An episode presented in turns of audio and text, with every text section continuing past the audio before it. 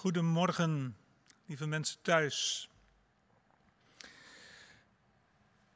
Ik was een keer met een hele groep zakenmensen.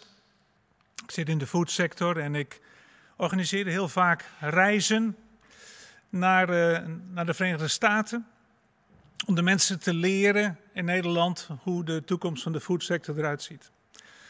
En op moederdag nam ik die groep mee naar een kerk, een zwarte kerk ongeveer 25, ik weet niet meer precies, 25 allemaal blanke mannen in een zwarte kerk. Dat is al één ding. Maar op moederdag vroeg die voorganger, die vroeg naar voren de oudste moeder in de kerk en de jongste moeder.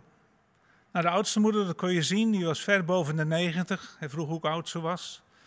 En de jongste moeder was 14 jaar. En ze had een kleine kindje van twee jaar bij zich. Dus waarschijnlijk op de twaalfde of zo heeft ze haar kindje gekregen. En daarna vroeg hij: willen alle moeders die een kind in de gevangenis hebben naar voren komen? Nou, er kwamen iets van 15, 16 vrouwen naar voren. En toen ging hij speciaal voor hem bidden. En hij zei, en die woorden die slaan wel op van vandaag: De echte gevangenis zit niet achter die tralies. De echte gevangenis zit in je hart. En deze preek die hij daarna hield en de ervaring die deze 25 mannen die nooit in een kerk kwamen, die hebben zo'n geweldige indruk op ze gemaakt dat ze op de dag van vandaag die preek en die zondag, die moederdag nog kunnen herinneren. Vorig jaar sprak iemand mij daar nog op aan. Weet je nog, Jan Willem? Het is inmiddels al uh, meer dan 30 jaar geleden. Dus kun je nagaan hoe indruk zoiets heeft gemaakt. De echte gevangenis zijn niet de tralies waar je achter zit, maar die zitten in je hart. Of in deze tijd zou je kunnen zeggen tussen je oren. En vorige week sprak ik in Aalten in een kerk en op de terugweg naar huis luisterde ik naar een uh, interview met de stiefzus van Anne Frank. Eva Schloss heet ze.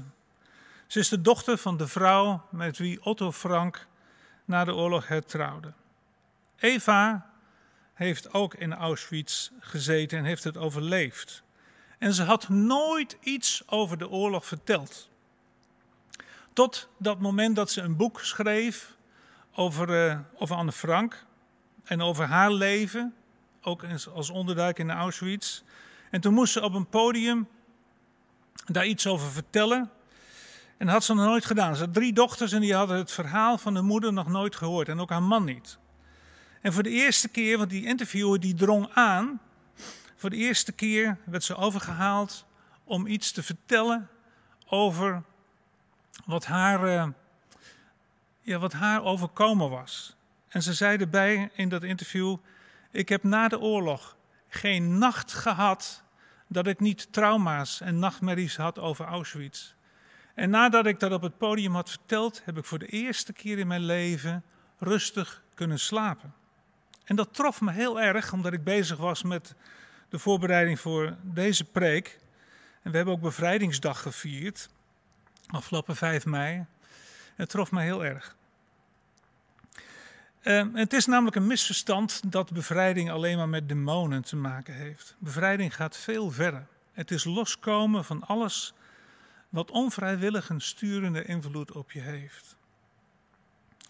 En het tweede misverstand is dat christenen niet gebonden zouden kunnen zijn. Dat is wel degelijk het geval. En daarom ook de eerste vraag eigenlijk is, voordat ik in de psalm duik, is, wees eens eerlijk. Zit jij aan iets vast? Heeft iets jou in de greep? Heeft iemand jou in de greep? En eigenlijk is dit onderwerp natuurlijk veel te groot voor één preek. Ik wil je dan ook nu alvast aanmoedigen. Er is een cursus hier in de schuilplaats binnenkort. Over discipelschap, dan gaat het veel meer over dit onderwerp. Dus als je weet en als je merkt dat God jou vanmorgen als het ware in je geweten aanraakt, meld je dan voor die cursus aan. Want je kunt bekeerd zijn en toch vastzitten en niet echt vrij zijn. En je redding, je identiteit, die hangt daar niet van af. die hangt ervan af of jij met je zonde je leven aan Jezus hebt gegeven. Daar hangt je redding vanaf.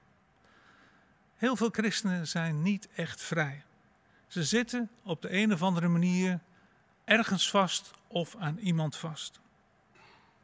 Nou, Jook en ik draaien inderdaad al 15 jaar mee in het team van Wilkin van de Kamp van Vrij zijn. Hij, maar ook uh, dokter Neil Anderson, misschien wel eens van gehoord, die zeggen dat zeven van de tien christenen zijn niet vrij. Ik weet het, dat gold voor Jook en mij ook. Ik heb er vorige keer iets over verteld, voor mij was het porno. En wij hebben intussen al, ik weet niet precies, 50, 60 mensen mogen helpen om die weg naar de vrijheid te vinden. En wij werken veel met de psalmen. Sowieso moet je de principes van Gods woord toepassen om echt vrij te kunnen worden. Je kunt wel denken, ah, sommige dingen zijn een beetje achterhaald, of het is het Oude Testament. Maar zo denkt God niet. Want ik ga vijf sleutels geven vandaag aan je. De eerste sleutel is: besef dat God veel groter is dan jouw denken. Hij kijkt hoe dieper dan wij kunnen denken. Accepteer Gods woord in zijn geheel, dat is eigenlijk de eerste sleutel. En niet alleen de dingen die goed bij jouw gevoel passen. Want juist als het schuurt, juist als het pijn doet, juist als het misschien wel even snijdt, dan is het misschien wel van jou bedoeld. Nou, Psalm 32. Ik hoop dat je hem al gelezen hebt en anders uh, dan lees je nu zo straks mee. Het is een psalm van David. En jullie kennen de geschiedenis van David. Hè? Hij is een man met een prachtige roeping van God. En die vervolgens, terwijl hij dan een dienstknecht van God is, zo ongeveer alle mogelijke fouten maakt. Waarvan je zegt, hoe kan het bestaan dat deze man in de Bijbel een man naar Gods hart wordt genoemd? Hij heeft overspel gepleegd. Hij is verantwoordelijk voor de moord, zelfzucht, een puinhoop in zijn gezin, kinderen die elkaar vermoorden, verraden worden door je eigen zoon. Een slechte vader eigenlijk. Hoe komt het toch dat hij dan toch een man naar Gods hart wordt genoemd? Overigens is dit feit van David, over David, al een troost in zichzelf voor iedereen van ons. Welke fouten je ook hebt gemaakt, wat jou is overkomen, wat jou is aangedaan, welke blunders je zelf hebt gemaakt, welke zonde ook aan jou kleeft. Je kunt het allemaal aan Jezus geven en je mag volkomen schoon en vrij worden, een man of een vrouw naar Gods hart. En wat was dan het bijzondere van David? Dat hij corrigeerbaar was, dat hij zich liet aanspreken. Nou, we gaan lezen over David, Psalm 32, de eerste twee versen. Een onderwijzing van David. Welzalig is hij van wie de overtreding vergeven, van wie de zonde bedekt is. Welzalig de mens wie de Heere de ongerechtigheid niet toerekent en in wiens geest geen bedrog is. Nou, dit gaat over mannen en vrouwen, jongens en meisjes, die weten dat ze mogen schuilen achter het bloed van het lam. Tenminste, als je het vertaalt in onze tijd. Achter het offer van Heer Jezus Christus. Mensen die weten dat ze zonde hebben gedaan en dat ze zich tot God hebben bekeerd met hun zonde en dat ze dan volkomen zijn vergeven. Dan mag je weten dat je voor de eeuwigheid gered bent, een kind van God. Maar vers 2 zegt daar iets bij. En dat geldt voor elke christen vandaag. En dat is de les van David. Welzalig de mens in wiens geest geen bedrog is. Geen geheimen. Geen eigen redeneringen. Niet, ik ben bekeerd en dat is genoeg. Of God houdt van mij en hij ziet het wel door de vingers. Hij vindt het vast niet zo erg. Dat is bedrog. God vindt het verschrikkelijk. Jazeker, hij houdt van je en hij blijft van je houden. Maar hij vindt het wel heel erg kwalijk als jij en ik dingen doen die tegen zijn principes ingaan. En dan wilde je corrigeren en dan wilde je opvoeden. Net zoals een vader en moeder. Ook en ik hebben vijf dochters. Eentje kennen jullie, Annick. Ehm, wij houden, we zijn ook van onze kinderen blijven houden, ook als ze fouten maken. Ook al doen ze zelfs iets afschuwelijks. Hebben ze overigens niet gedaan, maar dat zou zomaar kunnen. Want dan is het grote verlangen van een papa en een mama dat het kind naar je toe komt en eerlijk zegt van papa, mam, ik heb een fout gemaakt. Wil je, ik heb jullie tekort gedaan. Wil je me dat vergeven? Ze hoeven nooit te twijfelen of we wel van ze houden en of, of ze echt wel een dochter of een zoon van ons zijn. Hoeven ze niet aan te twijfelen. Maar het kan wel zijn dat wij als ouders onze kinderen moeten corrigeren. En als je dat lastig vindt en je zegt ah, dat is van het Oude Testament, nee, lees Hebreeën 12 maar eens.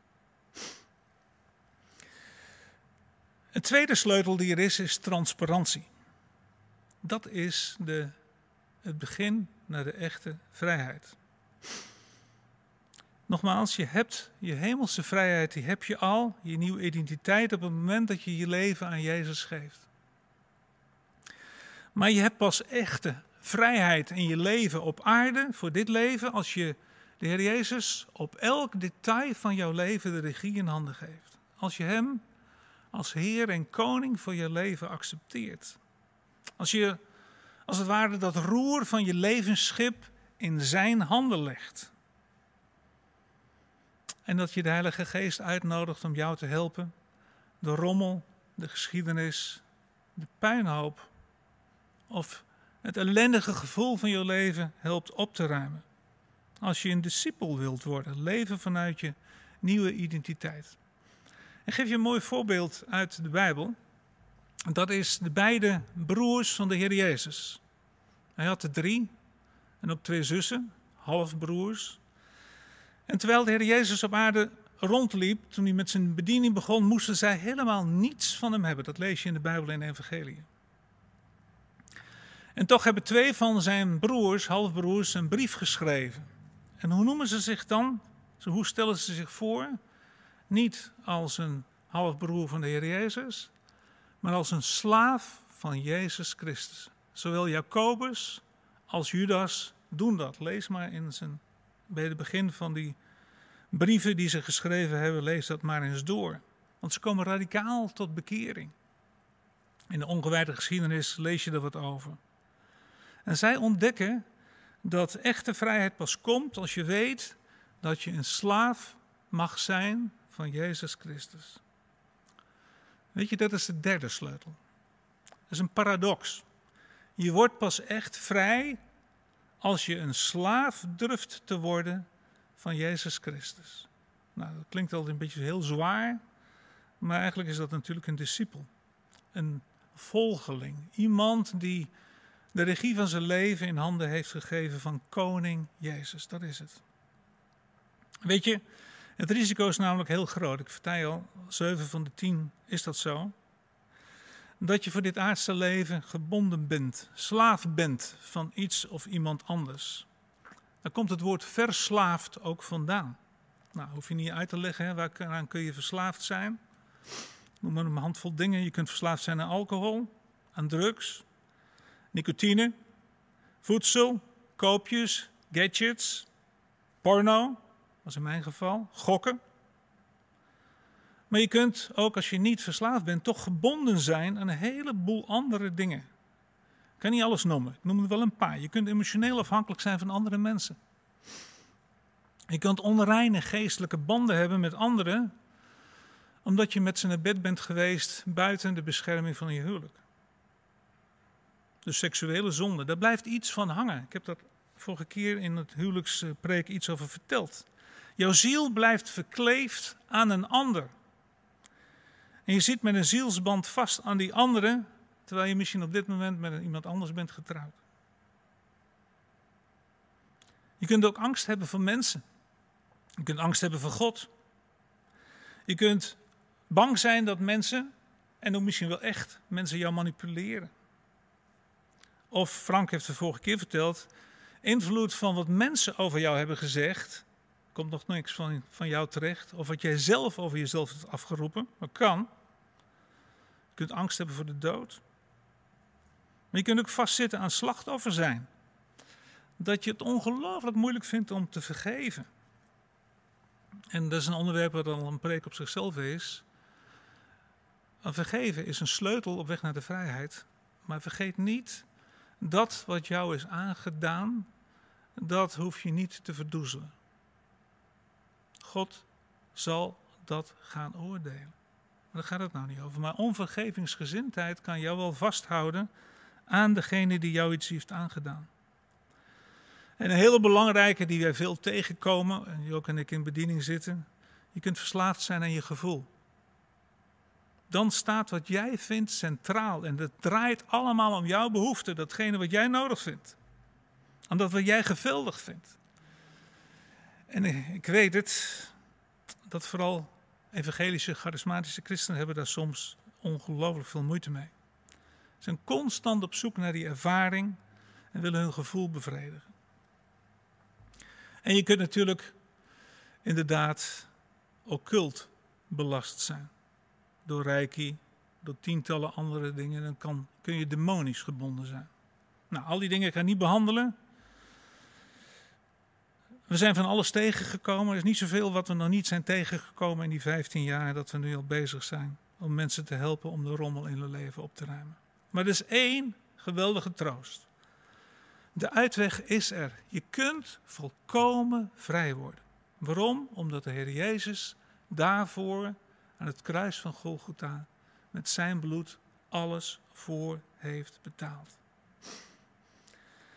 Dan lees ik vers 3 en 4 van die Psalm 32. Dan zegt David: Toen ik zweeg, teerden mijn beenderen weg onder mijn jammerklachten de hele dag. Want dag en nacht drukte uw hand zwaar op mij. Mijn levensvocht veranderde in een zomerse droogte. Nou, hier gaat het over de zonde in Davids leven. Die hij verzweeg of probeerde goed te praten of te verdoezelen. Zolang ik zweeg, teerde mijn beenderen weg. We kennen die uitdrukking, als de ziel zwijgt, gaat het lichaam spreken.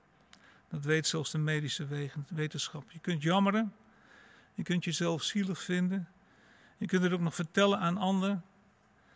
En toch mag je, ook op dit moment, ik weet, het is best wel, net zoals vorige week van Frank, kan best wel stevig zijn. Je mag eerlijk in Gods spiegel kijken, want God die van jou houdt, heeft het grote verlangen dat je het eerlijk aan hem vertelt. Want God laat soms toe dat je inderdaad misschien wel helemaal verdroogd en helemaal uitgedroogd lijkt, dat het allemaal vast lijkt te lopen. Herken je dat? Wees eens heel eerlijk. En luister dan wat David deed in vers 5.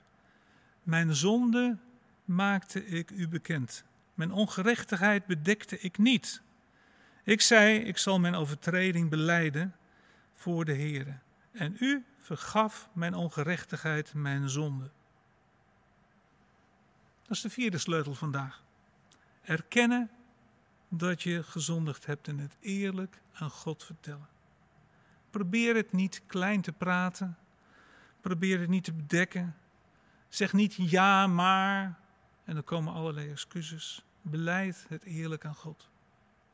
En dan weet je dat God het vergeeft.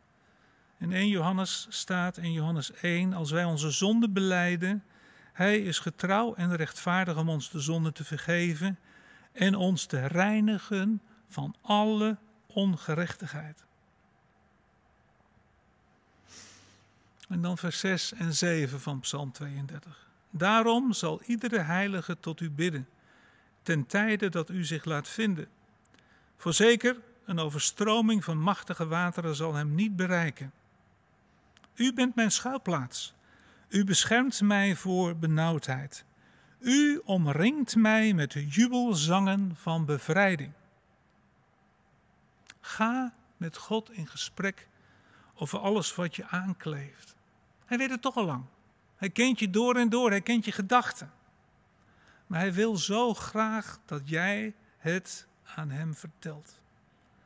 En vraag desnoods hulp aan anderen als je dat niet goed kunt, pastoraal medewerker.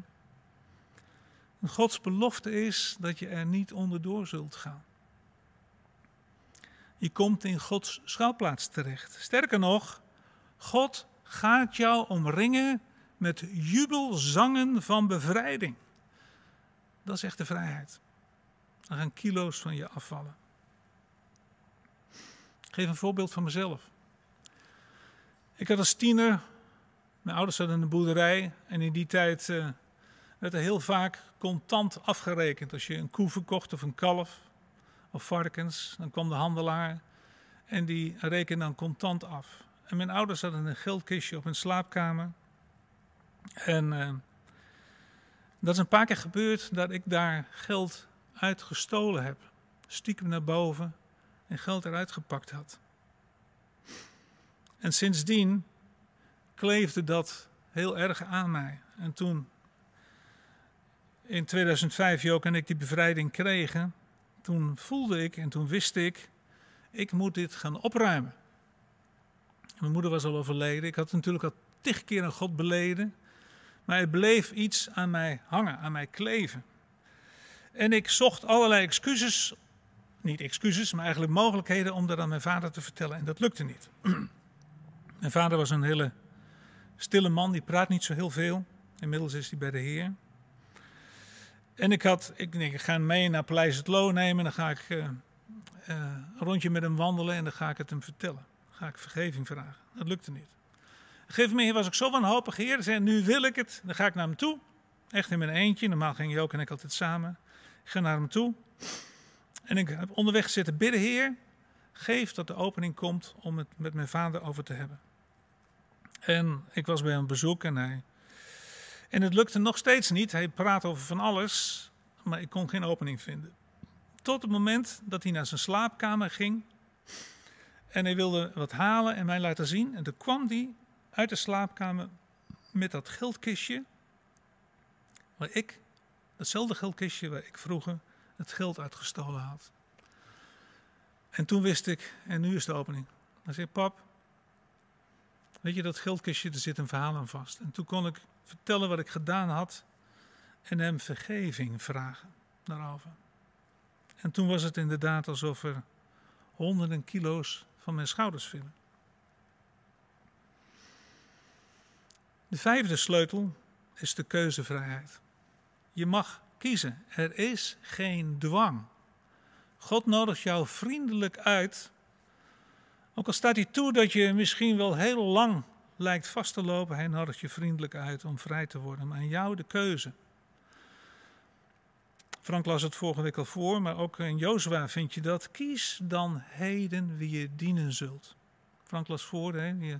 ik hou je het leven voor of de gebondenheid voor, het leven of de dood. Je mag kiezen. Weet je, je kunt het samenvatten, en ik ben van de schema's, ik heb het nou niet expres niet gedaan, normaal ben ik van de schema's, maar je kunt het samenvatten in vijf B's. Vijf stappen om vrij te worden. De eerste B is het besef wat er bij jou aan de hand is, bij ons aan de hand is. Dat is het eerste.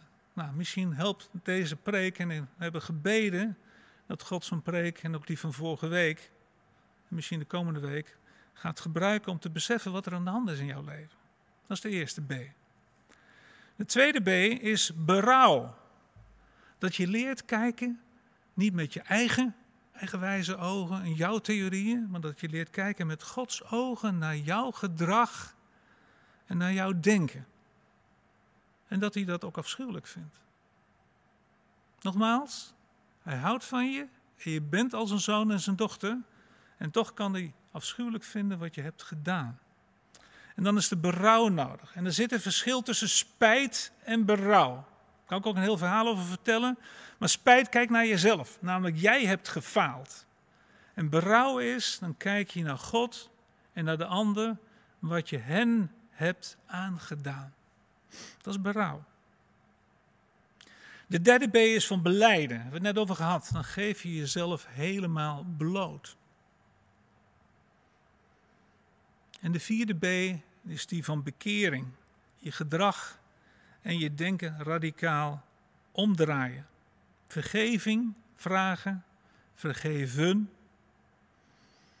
Nou, Jook en ik hebben een keer een jonge man geholpen in zijn bevrijding. En uh, Hij had winkeldiefstal gepleegd.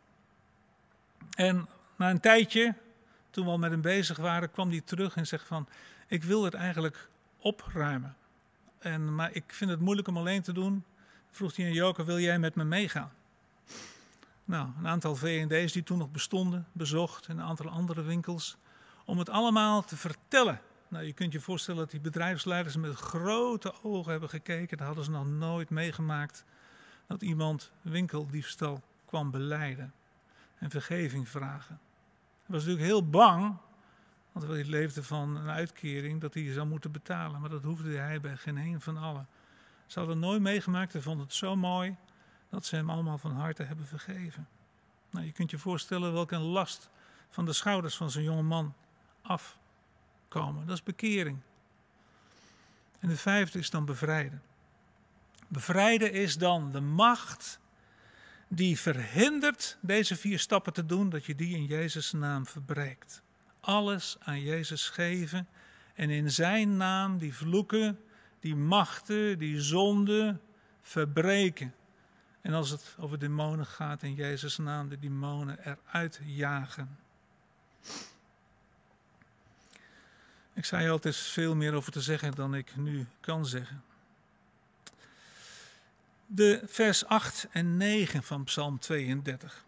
Ik onderwijs u en leer u de weg die u moet gaan. Ik geef raad. Mijn oog is op u. Wees niet als een paard, als een muildier dat geen verstand heeft. Zijn bek houdt men in toom met bit en toom. Dan kan hij u niet te nakomen. Weet je, dat is ook best wel eens moeilijk. Want je moet wel willen leren tijdens je leven. Niet zo eigenwijs zijn als een paard waar je een bit in moet doen om hem überhaupt te kunnen sturen. Dat je het allemaal zelf beter weet. Een discipel willen zijn, zegt de Bijbel, is dagelijks je kruis opnemen en achter Jezus aan willen gaan. Dat is je eigen ik, je eigen ideeën, je eigen ego kruisigen en doodmaken en een leerling van Jezus willen zijn. Maar wil je dat echt? Het heeft heel lang geduurd voor ik het voor de eerste keer in mijn leven zeg, Heer, ook en ik hebben geknield. Dat was in 2005 en dan was ik echt al heel eind op leeftijd. En ik sprak al en ik preekte al en deed daar van alles. En ik had nog nooit gekozen echt dat Jezus koning mocht zijn in mijn leven. Mijn leven als het ware neerleggen. Heer, doe maar met mijn leven wat u wilt. Dat is discipel zijn. En in discipel zit het woordje discipline. En vandaar dit vers, hè? dan even teruglezen. Ik onderwijs u en leer u de weg die moet gaan. En doe niet als een paard, als een muildier dat een bit ingelegd moet worden.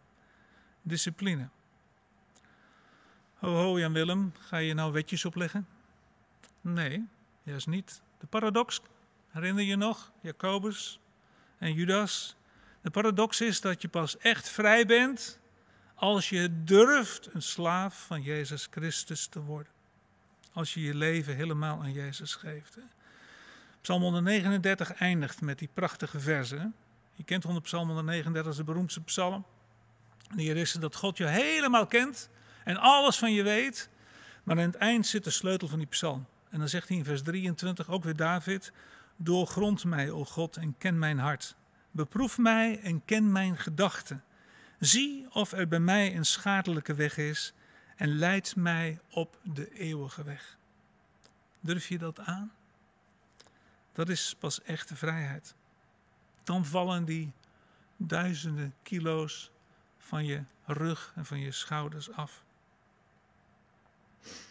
En dan Psalm 32 eindigt met het verschil tussen iemand die met God leeft of iemand die zonder God leeft en iemand die echt een discipel van Jezus, van God wil zijn. Vers 10 staat, de goddeloze heeft veel smarten. Maar wie op de Heere vertrouwt, hem zal de goede tierenheid omringen. Verblijd u in de Heere en verheugt u rechtvaardigen. Zing vrolijk alle oprechten van hart. Dat betekent overigens niet hè, dat alles voor de wind gaat. Dat is onze definitie van goed gaan. Nee, dat is niet zo. Maar wat de Bijbel belooft is dat de vrede die alle verstand te boven gaat, jouw gedachten en jouw leven zal bewaren in Jezus Christus. Het gaat om Jezus in jou. Daar waar jouw identiteit zit. jouw identiteit zit niet in jouw gender. Jouw identiteit zit niet in je werk en wat je doet, ook niet in de kerk. Jouw identiteit zit in het feit dat je opnieuw als een kind van God geboren bent in Jezus Christus. En dan die oproep om je in Hem te gaan verheugen. En jouw koning. Hij die daarvoor betaald heeft met de ultieme prijs van God die mens geworden is om jou vrij te kopen. Want jouw vrijheid heeft niks met tralies te maken. Jouw vrijheid zit van binnen. En je hebt er alle aanleiding voor om Hem te gaan eren. Niet alleen omdat je bevrijd bent, maar vanwege de bevrijder, omdat Hij zo groot en heilig is. Wij horen vaak, tot slot, dat is een oud en een nieuw verbond. En dat is een van de grootste leugens die er is. Wij noemen het het Oude Testament, maar eigenlijk is het het Eerste Testament. En dan zeg je dat heeft afgedaan. En daar is het Nieuwe Testament voor in de plaats gekomen. Dat is niet waar, het is erbij gekomen. Jezus was strenger dan de wetten van het Oude Testament. Jezus, en je kunt het lezen in Matthäus, die zegt zelfs als je een vrouw aanziet om haar te begeren, dan heb je al overspel met haar gepleegd. Nou, dat gaat een stukje verder dan het Oude Testament. Weet je, wetticisme, dat is dat je denkt door je aan regels te houden, de hemel kunt verdienen en bij God in een goed blaadje te kunnen komen. Maar aan de andere kant, en daar hebben wij als westerse christenen heel veel last van, dat je vrijdenkerij krijgt als christen. Je denkt van, dan moet je als het ware de Bijbel zich aanpassen aan jouw gevoel. Aan dat wat jij denkt, hoe God wel zou kunnen en moeten zijn. Want God heeft je toch al lang vergeven. En de Heer Jezus heeft alles al betaald. Dat is een van de grootste leugens. Discipelschap is een keuze die je wat gaat kosten. Het kost je namelijk je eigen ego. Je, ook je vrome ego. En de vrijheid is dat je de keuze hebt om niet te zondigen. Je hebt de keuze om achter Jezus aan te gaan, de principes van de Heer Jezus in jouw leven toe te passen. Discipelschap is accepteren, ik heb het opgeschreven, dat de principes van de koning de koningen van jou van levensbelang zijn. En dat hij met die principes het beste met je voor heeft. En die principes van Jezus toepassen in je leven, dat is pas echte vrijheid. Zes weken geleden is het in mijn rug geschoten. Ongelooflijk veel last van, ik kon helemaal niks. Gewoon in de badkamer, ik had niks gedaan, vol mijn gevoel, niks bijzonders gedaan. En wat doe je dan? Natuurlijk bidden, maar ook de fysiotherapie opzoeken. En die heeft me geleerd, Jan Willem, naast alle dingen die hij deed, je moet oefeningen gaan doen. En die moet je elke dag volhouden. Is dat dan wetticisme? Nee, dat is discipline met het effect dat je vrij blijft van de pijn en dat je rug sterker wordt. En geestelijk geldt er precies hetzelfde. De principes die God in de Bijbel geeft, Gods woord, dat vrij is, dat vrij maakt. Het levende woord, God die in de vorm van de Heer Jezus naar ons toegekomen is en hij presenteert zich als levende woord. Dat maakt je vrij. Voor de vrijheid heeft Christus ons vrijgekocht, zegt de Bijbel. En ik wil eigenlijk met je bidden.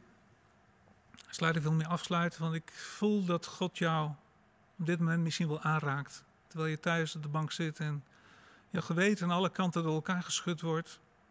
Als je weet dat jij misschien bij de zeven van die tien hoort, weet dan dat je wel een kind van God bent als je je leven aan Jezus hebt gegeven. Dat zijn grote verlangen is om ook op aarde jou een discipel te maken, zodat je de leesbare brief van Jezus Christus wordt. Zoals dat kun je nooit preken, kun jij door je leven in vrijheid te leven laten zien wie de koning de koning is.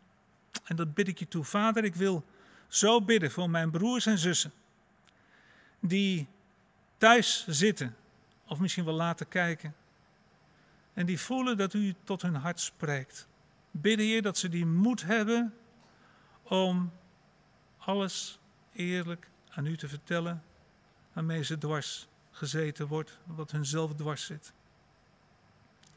En vooral ook, Heer, die broers en zussen van mij, van ons, die uh, zo sterk hun eigen ego en hun eigen gevoel centraal zetten in hun leven. Bid ik, Heer, dat ze het allemaal aan u kunnen geven en de vrede van u gaan mogen ervaren, de vrede die alle verstand, ook ons eigen verstand, te boven gaat. En dat u onze gedachten gaat bewaren. Heer Jezus, in uzelf. Turn your eyes upon Jesus. Ik wil bidden, Heer, dat u ons oog naar u toe gaat richten. Amen. En nogmaals weer, als je hier verder over wil gaan, doe dan mee aan die cursus discipelschap. Gaan we veel dieper in op dit onderwerp.